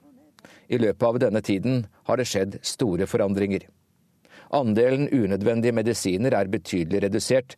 Dette gjelder bl.a. bruken av sovemidler og antidepressiva, sier Kvalvåg. Forskning har vist oss at eh, mange eldre, spesielt de med, med kognitiv reduksjon, eh, har hatt eh, smertetilstander som har vært behandlet, dårlig behandlet, rett og slett.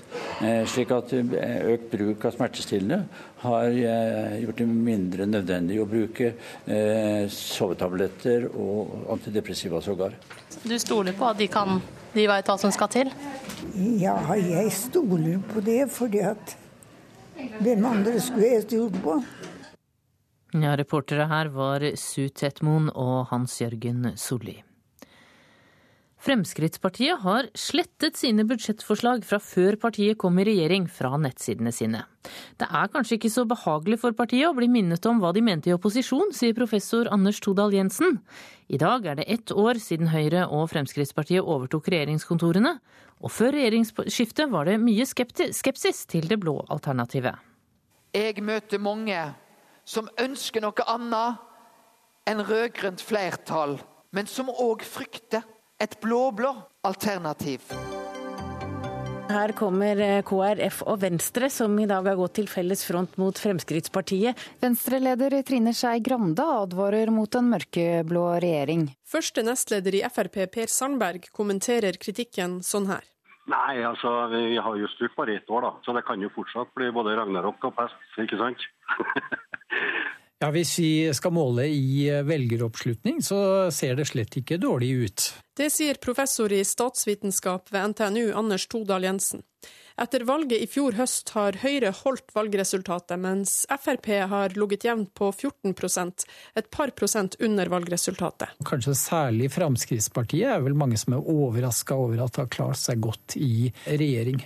Men før Frp inntok regjeringskontorene, foreslo de 23 milliarder i skatte- og avgiftskutt.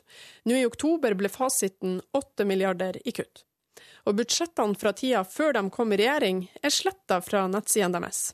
Mens Høyre har alternative budsjett fra mange år tilbake tilgjengelig. Det må du bare spørre Høyre om hvorfor de har det. Sier Sandberg og viser til at alternativt budsjett finnes på Stortingets nettsider, mens Todal Jensen sier å bli minna på hva man sa og gjorde eh, i rollen som opposisjonsparti når man eh, selv sitter med styringsansvaret, det er jo ikke alltid like eh, behagelig. Reportere var Veronica Westrin og Eva Marie Bulai. Ja, politisk kommentator i NRK Lars Nehru Sand, hva kan det være Fremskrittspartiet ikke vil bli minnet på nå som partiet er i regjering? Det er jo litt lettere da når man sitter i opposisjon og finner penger til det man vil hele tiden. Eh, og kunne ta store grep ganske raskt uten å utrede og gjøre andre ting. Og det eh, kom tydelig frem i eh, FrPs alternative budsjett i alle de årene de satt i opposisjon. I dag på regjeringens ettårsdag, hva er det Høyre og Fremskrittspartiet har grunn til å feire? Først og fremst at de har kommet godt i gang med mange av de viktige reformene som er viktige for regjeringen selv å få gjennomført, og som vil stå etter dem på mange ulike områder. I tillegg så går det jo ganske greit med de to regjeringspartiene på meningsmålingene. Velgerne har tålmodighet til at, og forståelse for at det vil ta tid eh, til å få til resultater. Eh, og regjeringen har eh, levert på viktige skattesaker, bl.a. som har vært viktige for dem. Eh, det som nok er på den andre siden er at regjeringen selv har påført seg eh, problemer i både reservasjon og Dalai Lama-saken. Det er nok glemt, men det er vanskelig for regjeringen å komme forbi at den for ett år siden la frem en plattform hvor klimasaken ikke var en prioritert sak. Takk skal du ha, Lars Nehru Sand. Og Siv Jensen møter Jonas Gahr Støre i Politisk kvarter på P2 klokka kvart på åtte. I USA har president Barack Obama tatt selvkritikk og lover nå økt innsats mot ebolatrusselen. Han har i dag avlyst andre planer og blir i Det hvite hus for å konsentrere seg om denne utfordringen. Etter et krisemøte om ebola i Washington i går sa Obama at det amerikanske smittevernsenteret i løpet av 24 timer skal sende et ekspertteam til alle sykehus i USA der det meldes om nye tilfeller av sykdommen. Og i Liberia, det verst rammede ebolalandet, tas det i bruk utradisjonelle metoder nå for å få folk til å forstå alvoret i situasjonen. Vår Afrikakorrespondent Sverre Tom Radøy er i hovedstaden i Liberia, Monrovia.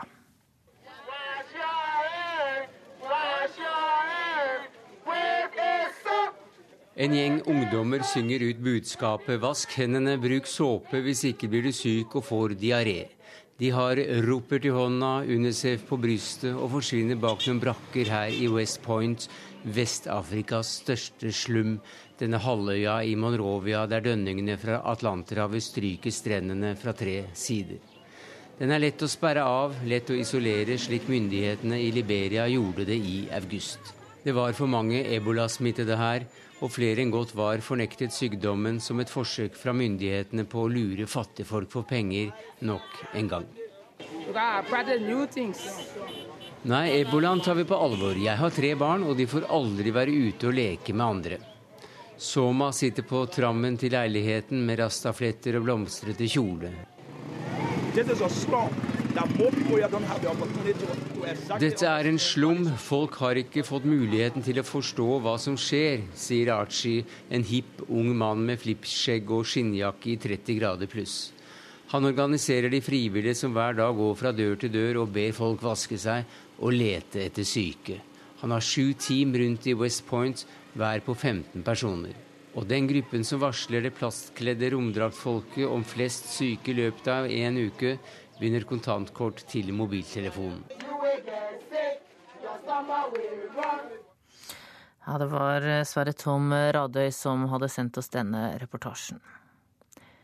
Norge kommer til å mangle 38 000 lærere om ti år. Det viser beregninger fra Statistisk sentralbyrå. Tallene fra SSB viser også at det kommer til å være for få bygningsarbeidere og omsorgsarbeidere i årene som kommer. Men de som studerer økonomi og administrasjon kan ende opp uten jobb. Her vil overskuddet ligge på 40 000, skriver Klassekampen. Så sport. Tor Hushovd var for redd til å fortelle sannheten om at Lance Armstrong dopet seg. Det sier tidligere lagkamerat Mats Kaggestad. Han tror Tor Hushovd fryktet Lance Armstrong så mye at han lot være å fortelle det han visste om dopingbruken. Thor var redd for å snakke om det selv til nære venner, og at han har holdt det for seg selv. Og at han helt sikkert har tenkt veldig mye på hva han burde gjøre. og at Hun forklarer også veldig mye om hvor stor Armstrong var, hvor redd folk var han, eh, og hvilken posisjon han hadde i miljøet. Først i dag blir Hushovd-boken Thor lansert for offentligheten, men i går ble det klart at Hushovd visste om Lance Armstrongs dopingbruk allerede i 2011. Dette var halvannet år før Armstrong innrømmet alt på amerikansk TV. Yes or no? Did you ever take banned substances to enhance your cycling performance? Yes. Leder i Antidoping Norge, Anders Solheim, er blant de som mener den norske ekssyklisten burde tatt informasjonen videre. Hvis alle hadde valgt å holde kjeft og la Omertan leve videre, så hadde vi sannsynligvis eh, aldri kommet til bunns i hva som, skjedd, hva som skjedde i US Postal. Han er åpen om det i dag. Han hadde ikke trengt til å fortelle at han satt denne opplysningen. For jeg syns det er urettferdig om han skal eh, få et dårlig rykte pga. dette her. Det syns jeg er ufortjent. Reporter her var Andreas Toft. Ansvarlig for Dagsnytt i dag er Sven Gullvåg. Det tekniske ansvaret har Per Ivar Nordahl. I studio Tone Nordahl.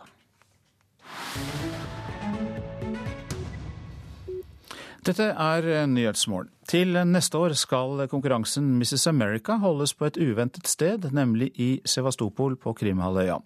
Samtidig skal det holdes en konkurranse om å bli fru Russland. Og det er en historisk begrunnelse for det spesielle valget av sted, skal vi høre i reportasjen laget av Jan Espen Kruse. Mrs. America is Mrs. Oklahoma. Mrs. Oklahoma ble vinneren av den nasjonale konkurransen i USA i år. Michelle Evans er navnet på den 30 år gamle sykepleieren som har vært gift i tre år. Tradisjonelt er det missekonkurransene som får mest oppmerksomhet i USA, men kåringen av gifte kvinner har pågått i hele 37 år. Og neste års kåring kommer helt klart til å bli ganske spesiell. Mrs. America, Mrs. Russia, welcome to Sevastopol, the most picturesque place of Crimea.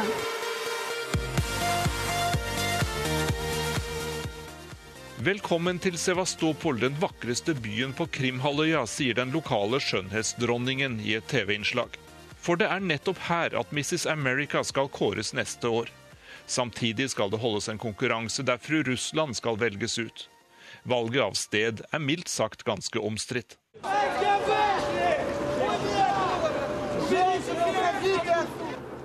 I mars i år okkuperte russiske styrker Krimhalvøya og tvang de ukrainske regjeringsstyrkene til å forlate stedet. Krim ble overført fra Russland til Ukraina i 1954, men den gang hadde det liten betydning, siden både Russland og Ukraina var en del av Sovjetunionen. Men da unionen gikk i oppløsning i 1991, forble Krim ukrainsk territorium. Etter okkupasjonen i år ble halvøya annektert og er nå en del av Russland. Det som skjedde har vært med på å skape en ny politisk, økonomisk og militær isfront mellom Russland og Vesten. Men det bryr ikke Mrs. America-arrangørene seg noe om. They cannot put sanctions on us. We are free to think what we want, go where we want, and do what we want. Ingen kan sette i verk straffetiltak mot oss, sier lederen for Mrs. America-konkurransen, David Marmel. Han understreker at arrangørene er fri til å mene hva de vil, reise hvor de vil og gjøre hva de vil. Men han innrømmer at det har kommet kritikk. Yes, there was some objection, but essentially it came from the Ukrainians who were in the United States. Det har kommet negative reaksjoner på stedsvalget, sier Marmel. Men han hevder at det hovedsakelig er ukrainere i USA som har protestert. Likevel er han klar for mer bråk etter hvert. Og årets Fru Amerika har også en mening om saken. It's not about politics for us. It's about having an experience for the Russian women and the American women together. For oss dreier dette seg ikke om politikk. Vi vil at amerikanske og russiske kvinner skal møtes, sier Michelle Evans på en pressekonferanse i Moskva. Hun har besøkt Krimhalvøya og er svært begeistret for det hun fikk se. We've got to experience uh, beautiful Sevastopol and uh, release, release pigeons from the Sevastopol monument. Byen Sevastopol er nydelig. Vi fikk slippe fri duer, og vi fikk møte den lokale guvernøren, sier Mrs. Evans. Hun er også imponert over byen Jalta og de flotte strendene og fjellene på Krimhalvøya. De vakre amerikanske fruene er lovet et storslagent program i Sevastopol. Trolig blir det også militære oppvisninger og demonstrasjon av ulike typer våpen. Byen er tross alt hovedbase for den russiske svartehavsflåten. Så hvis man er opptatt av krig og fred og sånn, så er det kanskje riktig valg av sted. Dette er hovedsakene i Nyhetsmorgen. Mange eldre får unødvendige medisiner. Forsøk med færre medisiner ved sykehjem i Oslo har gitt eldre bedre livskvalitet. President Barack Obama tar selvkritikk, lover langt sterkere innsats fra USA mot ebola. SAS har iverksatt en beredskapsplan for å kunne håndtere mistanke om ebolasmittede passasjerer. Norwegian har også en rutine for dette. Og Norge vil mangle 38 000 lærere om ti år, viser beregninger fra Statistisk sentralbyrå. Men det kan bli for mange arbeidssøkere med utdanning innen økonomi og administrasjon, skriver Klassekampen. Nå gjør vi oss klare for Politisk kvarter. Programleder der er Bjørn Myklebust.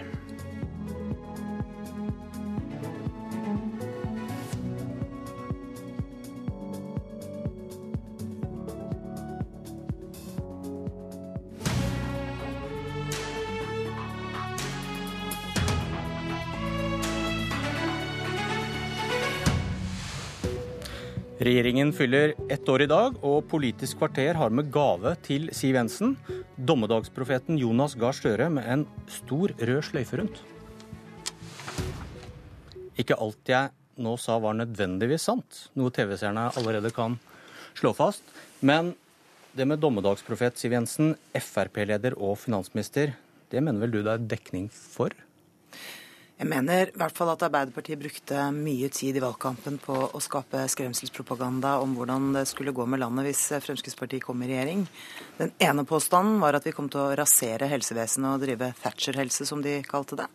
Sannheten er jo at vi har økt penge, altså bevilgningene til pasientbehandling mer på to år enn de rød-grønne klarte på åtte. Vi er i gang med fritt behandlingsvalg, vi har styrket den innsatsstyrte finansieringen, og vi prioriterer rus og psykiatri. En annen påstand som kom fra Arbeiderpartiet, var jo at landet kom til å bli mer utrygt. Det kom til å bli ført en omvendt kriminalpolitikk, nærmest. Sannheten er jo at etter at vi la frem vårt første budsjett, så har det vært jubel i hele Justis-Norge over sammenhengig satsing og kraftig satsing. Og en tredje påstand som kom, var at vi kom til å forsinke veibyggingen. Det klarte Arbeiderpartiet å påstå i valgkampen.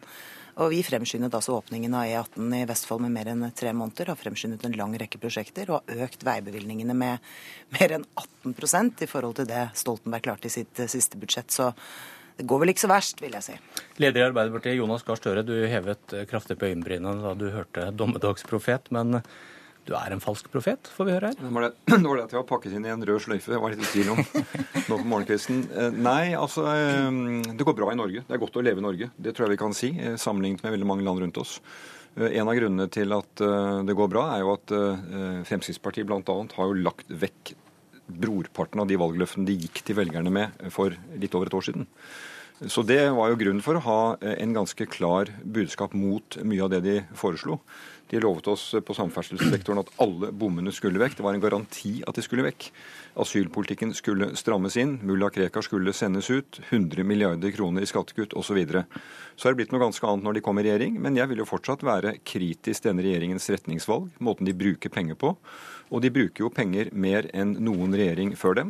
De viser en evne til å prioritere som jeg mener er mangelfull. Når de trenger penger, så henter de det altså i fremtidige generasjoners pensjonsfond, og det syns jeg ikke viser særlig evne til å ta de vanskelige valgene det er å sitte i regjering. Men har du lyst til å be unnskyld for noen av de påstandene dere kommer med, at det blir utrygt i Norge, at de vil forsinke veibygginga, at, at, vi får Thatcher-helse, som dere påsto med Frp i Men, regjering? Altså, Margaret Thatcher er Siv Jensens politiske forbilde, så det er ikke så rart at man tar til den referansen.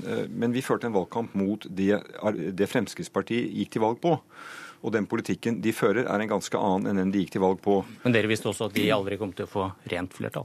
Nei, men altså, du går jo til velgerne med det budskapet. Du driver ikke og trekker fra i eh, debatten om politikk. Jeg mener valgkamp skal være frisk. Jeg må ta utgangspunkt i hva jeg sa når jeg var i, i valgkamp. Og jeg kan ikke si at jeg har kommet med noen av de profetiene.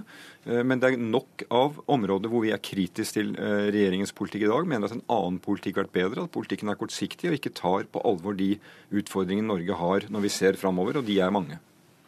En annen påstand Arbeiderpartiet kom med, var jo at eh, dette kom til å bli et valg mellom skattelette eller velferd. Og vi viser jo også i budsjettet for neste år at vi både klarer å styrke innsatsen til alle de viktige samfunnsområdene, samtidig som eh, vi reduserer skatte- og avgiftstrykket nettopp for å styrke konkurransekraften til norsk næringsliv. Og jeg mener at Støre tar feil når han hevder at vi har løpt fra valgløftene våre. Vi gjennomfører jo løfte etter løfte etter løfte hver eneste dag. Det er altså slik at vi nå sanerer bompengeprosjekter. Det har aldri før skjedd i historien. Vi Men du må innrømme at det er et nederlag når, når, når, du må stå på talerstolen og si at vi skal drive bompengeinnkreving smartere. Det er ingen bompenger nå som ble fjerna i budsjettet? var det det? Altså, vi erkjente da Sundvolden-plattformen var fremforhandlet, at vi ikke kom til å få gjennomslag for alt vi sto for i samferdselspolitikken. Men til gjengjeld så har vi da styrket veibevilgningene mer enn noen gang. For første gang på mange tiår er vi nå i ferd med å redusere vedlikeholdsetterslepet ved norske veier, som har bygget seg opp gjennom mange, mange, mange år, og hvor tidligere regjeringer ikke har prioritert også veivedlikehold. Eh, det er også slik at vi har en strammere asyl- og innvandringspolitikk nå enn under den forrige regjeringen. Det er altså rekord i uttransporteringer av mennesker med ulovlig opphold i Norge. Eh, og vi ser også at Eh, antallet mennesker som nå søker seg til Norge uten grunnlag for opphold, går ned. Det tyder på at asylpolitikken til denne regjeringen virker. Eh, og det er altså sånn at nå vi jo, har vi fått en diskusjon eh, hvor innbyggerne i Norge ser ut til å ønske seg mer skattelette etter åtte år, hvor det de fikk fra den forrige regjeringen, var skatteskjerpelser.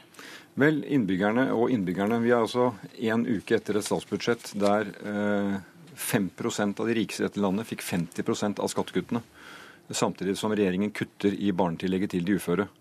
Eh, Siv Jensen sier at vi bruker penger på mye. Ja, de bruker penger på mye. Eh, og det hun gjør når hun skal prioritere, det er å hente de pengene i oljefondet for å gi disse usosiale skattekuttene. Så her er det veivalg, skatt eller velferd. Vel, altså det er skatt til de aller rikeste. Det er heller ikke de type skattekutt som fremmer investeringen, etter min mening. Går vi til internasjonal ekspertise, så er det helt andre skatter vi burde sett på enn formuesskatten.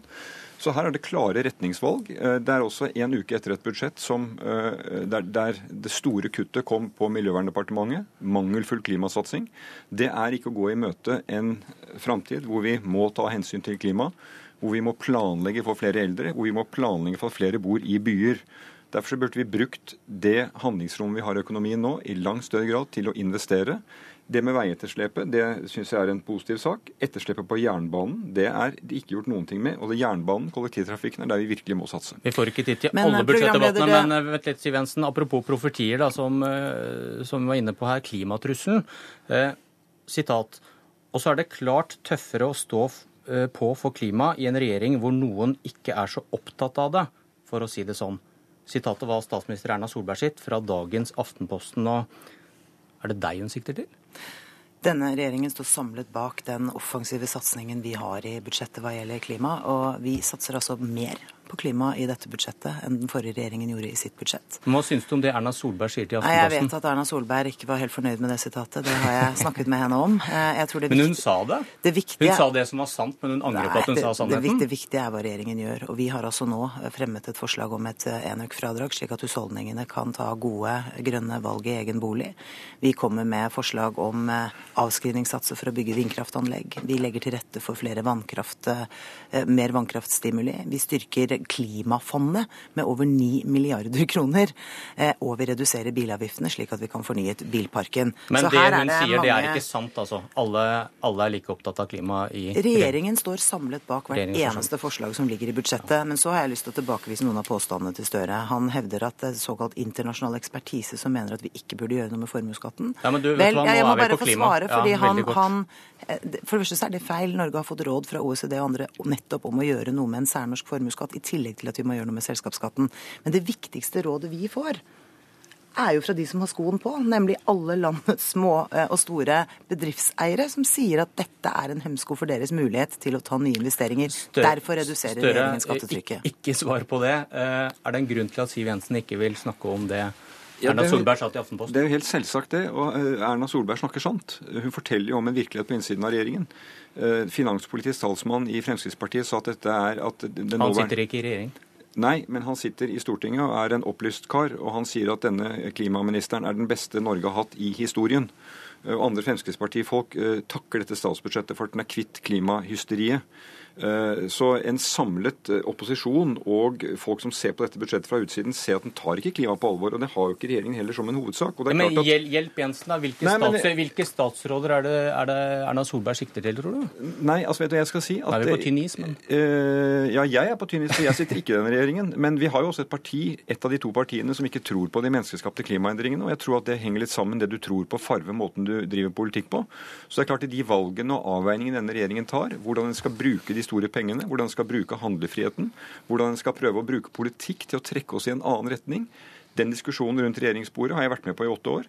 Og når den diskusjonen kommer her, så er altså ikke klima det. Det Siv Jensen viser til, det er at de bruker mer penger på fond og en del andre områder, som er veldig bra. Det er fordi at denne regjeringen hvert år får mer penger. Norge har en økonomi som vokser. Og denne regjeringen viser jo at den må prioritere, så går den til oljefondet. Setter rekord i oljepengebruk. Så vi blir mer oljeavhengige, og vi tar dårligere klimavalg. Nå er ikke dette budsjettet det siste. For nå skal Kristelig Folkeparti og Venstre da forsøke å gjøre opp i Stortinget, og de må jo da avgjøre om de bare skal være bremsekloss og holde igjen, eller om de faktisk også klarer å sette en farve på et offensivt klimabudsjett. Ja, nå skriver vel Dagens Næringsliv på lederplass i dag at Arbeiderpartiet ikke akkurat kan påberope seg å drive med oppvisning i måtehold, og det syns jeg er et godt sitat når Arbeiderpartiet nå prøver å late som de er det mest ansvarlige eh, partiet i, i Norge. Sannheten er at vi har brukt oljepengene godt. Vi investerer for fremtiden. Vi sørger for vekstfremmende tiltak. Massive investeringer i infrastruktur, forskning, utdanning og vekstfremmende skattelettelser. Det er riktig medisin. Men tilbake til klima. Jeg mener at det regjeringen gjør i dette budsjettet er bra. Det at vi styrker investeringene til tog, kjøper nye tog for at flere skal bruke tog, er et godt klimatiltak. Her er det satsing på kollektive løsninger. Her er det satsing på å få fornyet bilparken. Her er det satsing på en lang rekke områder som nettopp vil ta Norge i en bedre retning. Og det jeg ikke forstår, er hvorfor debatten om klimaspørsmål alltid skal handle om å eh, gjøre livet litt ekstra vanskelig for innbyggerne. Det er altså mulig å gjennomføre gode klimatiltak som på sikt reduserer utslippene, uten at innbyggerne skal oppleve det ubehagelig. Og det mener jeg regjeringen er på god vei til å gjøre i dette budsjettet. Jeg må få spørre deg om oljepenger, Jonas Gahr. For dere da er, kommer med veldig kraftig kritikk av hvor mye oljepenger Siv Jensen bruker. Og så kutter dere to milliarder i deres alternative budsjett. Henger det på greip? Ja, altså Vi jobber med vårt alternative budsjett nå. og Så observerer vi det at regjeringen har hatt fire anledninger til å vurdere budsjettet sitt. Hver gang har de måttet hente mer oljepenger. De setter altså rekord i oljepengebruk. Og dere er ikke langt etter nei, deres alternative nei, budsjett? Nei, det er riktig det. Vi skal bruke oljepenger. Og vi skal bruke oljepenger på en måte som er eh, gjennomtenkt. Vi mener det er riktig å legge oss under der regjeringen gjør. Vi mener regjeringen har tøyet disse grensene. Men to milliarder, burde det ikke ligge ti da, hvis det er så gærent det de driver på med? Nei, det er nå den avveiningen vi har kommet til. At det er omtrent der vi, vil ligge. Dette er jo ikke eksakt vitenskap, men vi leser jo nå, i den grad vi kan eh, eh, altså Lederen i Dagens Næringsliv er viktig for Siv Jensen. De har vel også avdekket at her var det uenigheter mellom de to partiene hvor mye oljepenger man skulle bruke. Vi mener at denne regjeringen har gått for langt på det sporet. Eh, og det handler jo også om denne evnen til å prioritere. Altså, Når Siv Jensen skal finne de pengene som gjør at hun kan gi til de 2-3% rikeste i Norge de største skattekuttene, så pålegger hun alle departementer å måtte kutte uh, halvannen prosent til sine budsjetter. Der hun kutter, er altså i barnebidraget til de uføre og til Miljø- og klimadepartementet. Og så går hun i oljefondet for å finansiere skattelettelsene. Det er dårlig evne til å prioritere. Vi mener at det er viktig å vise, sende et tydelig signal. Og det er også et signal når de skal nå forhandle med Venstre og KrF, at Arbeiderpartiet gir ikke noe rom for å hente enda mer oljepenger. Vi mener vi kan nå målene våre. Men vi har jo også i vårt budsjett ikke de usosiale skattekuttene som de har. og Dermed har vi en større handlefrihet. Og Venstre har vel vært ganske høye mørke og sagt at dere kan ikke kjøpe dere fri ved å bruke mer oljepenger for å få vedtatt et budsjett? Altså, dette er symbolpolitikk fra Støre sin side. Eh, her forsøker han eh, å skape et helt annet inntrykk enn det som er tilfellet. Og det regjeringen gjør i tillegg til en kraftfull satsing på ting som kommer til å gi nye arbeidsplasser i fremtiden, er jo at vi nå introduserer reformer som kommer til å gi oss mindre byråkrati og mer igjen for skattebetalernes penger. Det var aldri Arbeiderpartiet opptatt så lenge de satt i regjering. Det var veldig lite energi brukt på å få redusert et oppsvulmende byråkrati. Det gjør denne regjeringen noe med. Men så til eh, det som nå skjer på uføreområdet. Altså, Regjeringen følger nå opp en uførereform som ble vedtatt av Stortinget under den forrige regjeringen den hadde en svakhet. Nemlig at man, eh, de rød-grønne partiene overså at det ville kunne oppstå overgangsproblemer for noen av de gruppene som nå skulle over i ny uførereform. Vi advarte mot det i 2011. Da ville ikke Arbeiderpartiet gjøre noe med det. Nå har vi altså rettet opp det gjennom å smøre reformen med over 600 millioner kroner. Og jeg syns i hvert fall i anstendighetens navn at Arbeiderpartiet kan erkjenne at den reformen er et ektefødt barn av den rød-grønne regjeringen, Klarer du som å vi nå svare gjør på bedre. 15 sekunder? Ja, altså, Den var Stortinget samlet om. Det jeg har påpekt her nå, er at de kutter i barnetillegg til de uføre.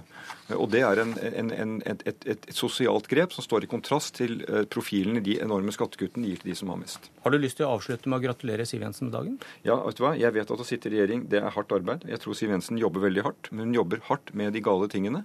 og Derfor så mener jeg at det er eh, fortsatt god grunn til å drive en opposisjonspolitikk for denne regjeringen og vise velgerne at det finnes et bedre alternativ. Og du skal kanskje feire med noen andre enn Støre senere i dag også? Jeg er veldig fornøyd med at regjeringen har kommet godt i gang, men vi har masse ugjort eh, enda. Gratulerer med dagen. Takk, for, at dere kom. Jeg heter Bjørn Myklebust.